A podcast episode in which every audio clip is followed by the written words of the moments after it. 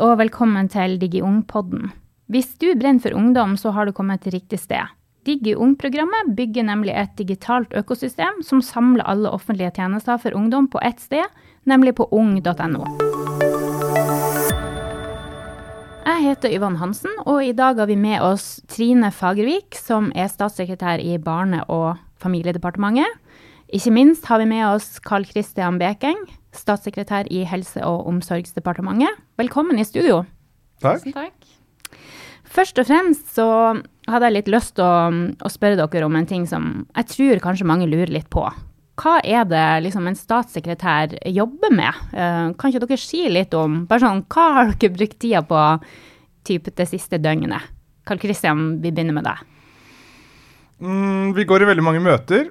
Og så er vi på en måte fiksere. Vi prøver å få ting som skal gå eh, i regjeringen eller mellom departementer til å gå så enkelt som mulig. Og Trine og jeg for eksempel, må snakke sammen. Hvis det er noe våre de respektive departementer skal få til, så er det ofte statssekretærene som snakker sammen. Mm. Er du enig i det? Det, veldig, ja, det stemmer veldig bra.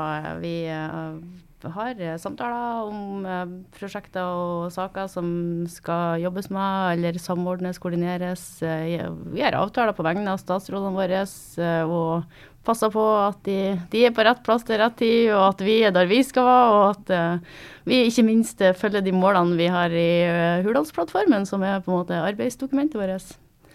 Så vet jeg ikke hvordan det er hos dere, men det er jo litt forskjellig fra departement til departement. Og vi har jo sånn at vi har mange store arbeider skal levere fem stortingsmeldinger fra Helse- og omsorgsdepartementet i år.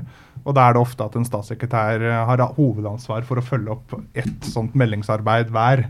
Slik at vi kan uh, prøve å liksom gå inn i detaljene og følge med på at ting blir gjort uh, og får en progresjon. Mm.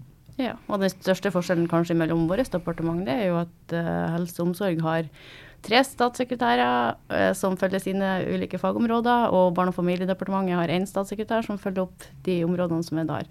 Eh, og det gjør jo at jeg får møtt uh, f.eks. alle statssekretærene i eh, helse og omsorg på ulike ja, saker. Da. Så um, det er litt forskjellig fra departement til departement. Men vi følger opp på stort sett samme måte. Da.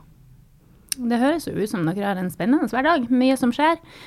Um, vi skal bare gå over litt til det som vi i DigiUng-programmet er veldig opptatt av, og det er jo ungdommer. Um, og da tenkte jeg å spørre dere hva er det som står øverst på prioriteringslista deres når det gjelder ungdommer? Hvis vi begynner med Trine, da.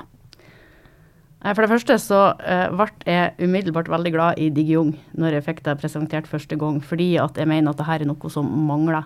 Uh, ungdom fortjener å finne rett informasjon på én plass.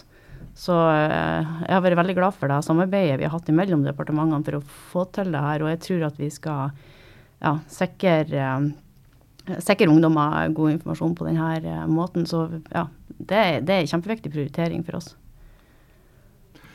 Jeg, eh, kanskje hos oss Den viktigste prioriteringen Vi jobber jo med en sånn opptrappingsplan for psykisk helse eh, som skal komme før sommeren. Og Der eh, jobber vi da med å, å bygge virkelig ut det lavterskeltilbudet, både for voksne, men særlig for barn og ungdom.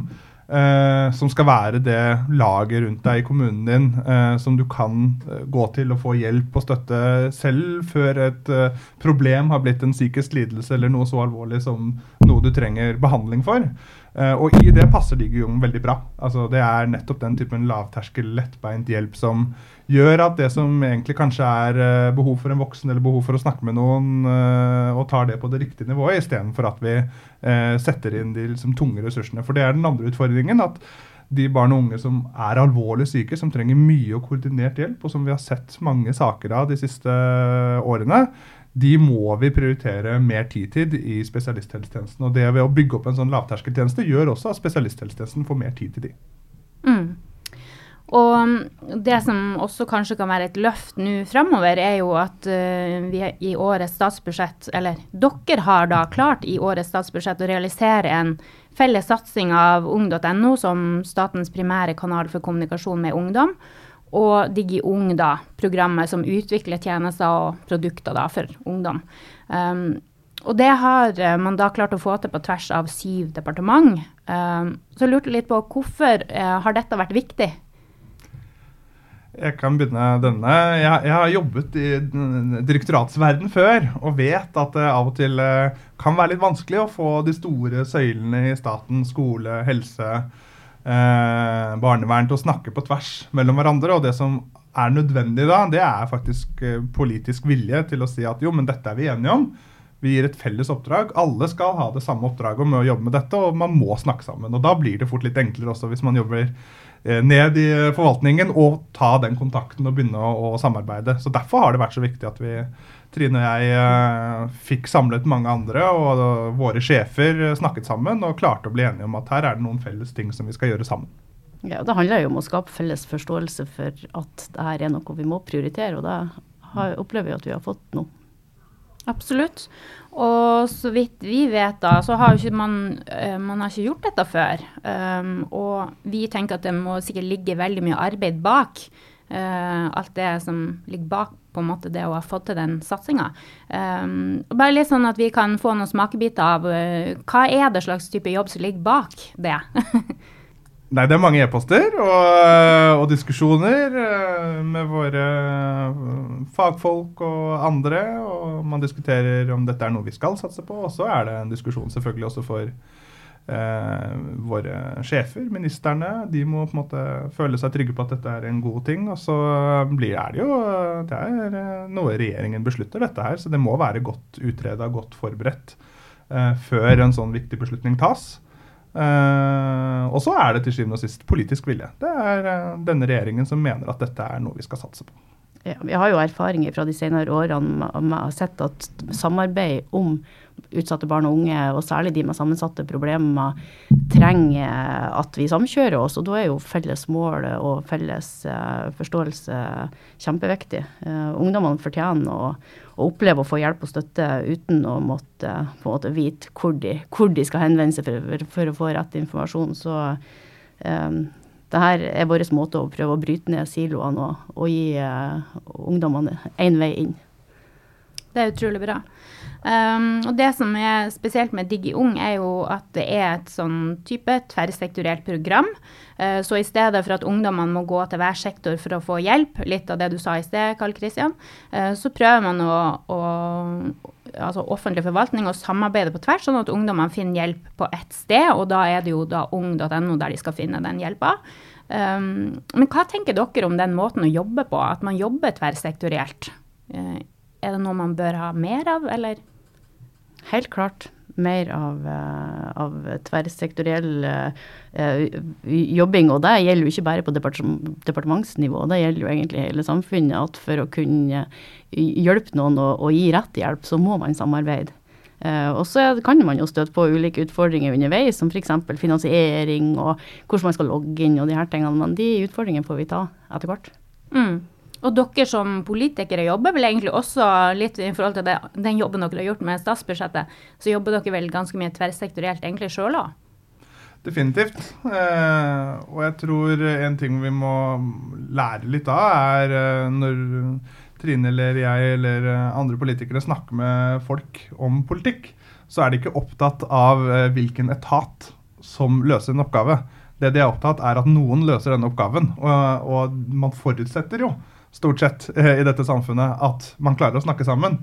Så dette her er egentlig bare en, en viktig omrokering også for oss, for at staten skal opptre på en sånn måte som folk forventer at den gjør. Eh, digitaliseringen har gjort at eh, folk logger seg inn og forventer ikke å prøve å altså, finne ut hvilket kontor de skal gå til. Det er én eh, flate, og særlig ungdom. De vet at ung.no funker. Uh, der vet jeg at de får svar på det meste. Og da er det ikke så farlig hvordan vi har organisert det bak, så lenge vi har fått det til. Det er bra sagt. um, men det er jo noen utfordringer når man jobber tverrsektorielt. Så man møter jo f.eks. mange ulike kulturer, um, og man vet at for å få til endringer, så spiller jo kultur og ledelse er jo i hvert fall to elementer, det er mange flere, uh, som spiller en veldig viktig rolle. Eh, noen eh, virksomheter er jo veldig innovative og en mer sånn framoverlent kultur. Andre er jo kanskje litt mindre endringsdyktige eller endringsmodne. Eh, så hva tenker dere i forhold til DigiUng, da, som møter den utfordringa? Hva tenker dere vi bør, hvis dere skulle gi noen råd, hvordan bør vi jobbe for å måte, bryte ned de her ulikhetene? Hva tenker du, Trine? Nei, bli enige om hva som er problemstillingene først, og så finne ut hvem, hvem man trenger til å samarbeide for å, å finne løsninger, er jo uh, ja, ganske vesentlig, tenker jeg. Mm. Ja. Er du enig? Absolutt. Og i hvert fall skille mellom det som er uh, vesentlig og uvesentlig. Altså alle, alle departementer og, og, samfunnsinstitusjoner har ofte et oppdrag eller flere oppdrag som de skal utføre. Og det er klart Hvis du begynner å, å utfordre det oppdraget, så skjønner jeg hvorfor også noen da blir skeptiske til, til en løsning. Uh, det kan være at Digion uh, eh, kan brukes på mange områder, men det finnes noen områder hvor det kanskje hender at det ikke er like aktuelt. Uh, nå skal ikke jeg forhåndskonkludere det, men det, det finnes jo f.eks. når du går inn i ting som har med rettsvesen å gjøre, og den type ting, så er det viktig å ta vare på rettssikkerheten en annen måte enn kanskje den lettbeintheten som Digiung står i. Og så er det noen ting som kan løses der òg, men altså, der skjønner vi da at det lugger. Mens f.eks. det at Digion-plattformen eh, ligger på departementet BFD sine Altså det, det ligger under BFDs ansvarsområde. Mens en del av bak, eh, altså innholdet ligger hos Helse- og omsorgsdepartementet. Det er en helt uvesentlig hinder. Altså Det burde ikke være til hinder for at vi kan samarbeide. Og der er det på en måte der er det viktig å bare ta vekk den typen ting som kanskje er at noen har holdt på med dette veldig lenge, og de mener at det bare er de som skal holde på med det. Det er ikke, altså, i hvert fall for oss som er politikere og på valg hvert eh, fjerde år, det er ikke det viktigste. Det viktigste er at vi klarer å lage løsninger som oppfyller samfunnsoppdraget både til ditt departement, ja. mitt departement, andre departementer. Og her er det jo hele sju departementer som ser at de har mulige løsninger da, å legge inn i denne. Ja, og det er vi veldig glad for. At vi har så mange med oss. Ja. ja. Ja, nei, det, det, er jeg helt enig i det dere sier, altså. Um, men ungdommer i dag er jo, som dere også var inne på tidligere, de er jo veldig langt framme digitalt, og kanskje spesielt i Norge, da. Um, fordelen med de unge er jo at de ønsker å løse sine utfordringer selv så langt som mulig. Eh, så det å tilby dem digitale løsninger er en stor fordel, i hvert fall med tanke på at det vil bli eh, knapphet på ressurser framover. Likevel så møter jo DigiUng store floker eh, som er vanskelig å løse på kort sikt. Det kan f.eks. være tverrsektoriell forvaltning og finansiering, personvern, helhetlig arkitektur, sikker innlogging for barn og unge under 16 år. Den er spesielt tricky. Um, hvordan tenker dere politikere at dere kan hjelpe oss eh, for å få fortgang i disse liksom, større barrierene? Det er litt komplekst spørsmål, mm. kanskje, men Jeg kan begynne. vi er, vi, helsefeltet er jo fullt av lovgivning og ymse krav og kriterier som eh, alle enkeltvis er der ofte av en veldig god grunn. Det handler om pasientsikkerhet, det handler om uh, kontroll på egne data, uh, helseopplysninger og den type ting. Og det er klart det fins en grense mellom hva uh, du kan gjøre selv, og du bestemmer selv hva du oppgir til Facebook, men når du oppgir noe til f.eks. Helsetjenesten, så forventer du også at det forvaltes på en god og sikker måte. men det vi kan gjøre, er selvfølgelig å identifisere hvor er det dette butter? da, Hvor er det det fins en hindring? Er det en regel? Er det eh, noen som ikke snakker sammen på tvers av eh, noen departementer eller eh, direktorater eller andre typer etater? Eh, så den type ting, og Når de er identifisert, så kan vi også da legge litt eh, trøkk da, og, og, politisk vilje bak og prøve å få løst opp eh, så mange som mulig av de, og i hvert fall få vurdert om dette er noe vi skal se på på nytt. F.eks. finnes det regler som man lagde for 20-30 år siden, og som ga veldig god mening da, men som kanskje ikke nødvendigvis er like funksjonelle i dag i en digital verden hvor informasjon flyter på en annen måte. Det ser man jo særlig når det gjelder uh, digital informasjon i, i, helsetjenesten, at det er en del ting som, som må gjøres på nye måter. Mm. Ja. Det er ganske komplekse ting å jobbe med. um, Hvis man skal se liksom på framtida, da, så det jo, kommer det til å bli mer samspill mellom det digitale og fysiske tjenester. Har dere noen tanker rundt uh, det med hvordan dette kommer til å se ut? Trine, har du, har du noen framtidsvyer rundt det? Samspillet mellom eh, digitale og fysiske tjenester må jo være at eh, de digitale tjenestene eh, er tilgjengelige for alle, og at det er mulig å kunne få hjelp når man lurer på noe. Og vi vet jo at ungdommer i dag prøver å søke opp hjelp sjøl før de henvender seg til, til andre. Eh, og da må jo vi sikre at den informasjonen som er tilgjengelig, er trygg. Og på den måten med å gi, å gi muligheten til å, å, å, løse de her lavterskelutfordringene kan man jo uh, gjøre, um, gi mer kapasitet til de fysiske tjenestene. Men det er helt klart uh, nødvendig òg å ha fysiske tilbud tilgjengelig rundt omkring. For det skal være mulig å kunne velge å ikke bruke digitale tjenester og, og, løsninger, men samtidig kunne få hjelp til lavterskeltilbud. sånn at vi må jo se begge delene i sammenheng. Mm, absolutt. Uh, og så er det jo det med den digitale verden òg, da. Hvordan skal man nå de ungdommene, tenker dere da? Uh, når det på en måte blir Altså, de er så digitale, de er liksom vokst opp med dette her, og, og det blir ikke noe mindre. Uh. En god idé er å få spørre ungdommene selv. Trine og jeg bruker vel fortsatt Facebook. Det er det ingen under, under 20 som gjør. Eh, så det, og, det, og det vet jeg at Digion uh, er veldig gode på. Å på en måte bruke ungdom og snakke med dem og, og, spørre hvor er det dere er fra før av. Eh, for sånn er det også med fysiske tjenester. Det er veldig dumt å legge dem på et sted hvor ingen er i utgangspunktet. Da, da, de, da er det ingen som bruker dem, og det er det man har klart å få til her. Og, og, må fortsette å gjøre fremover, og på en måte være på de arenaene hvor ungdom allerede er.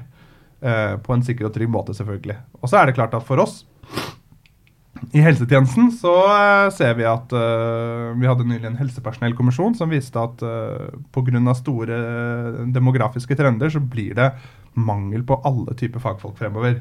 Og det å automatisere det man kan, altså det å ta vekk veldig mye av det som vi bruker folk til i dag, sånn at vi kan bruke fagfolk på de mest sårbare, de mest utsatte, de som trenger mye og omfattende hjelp.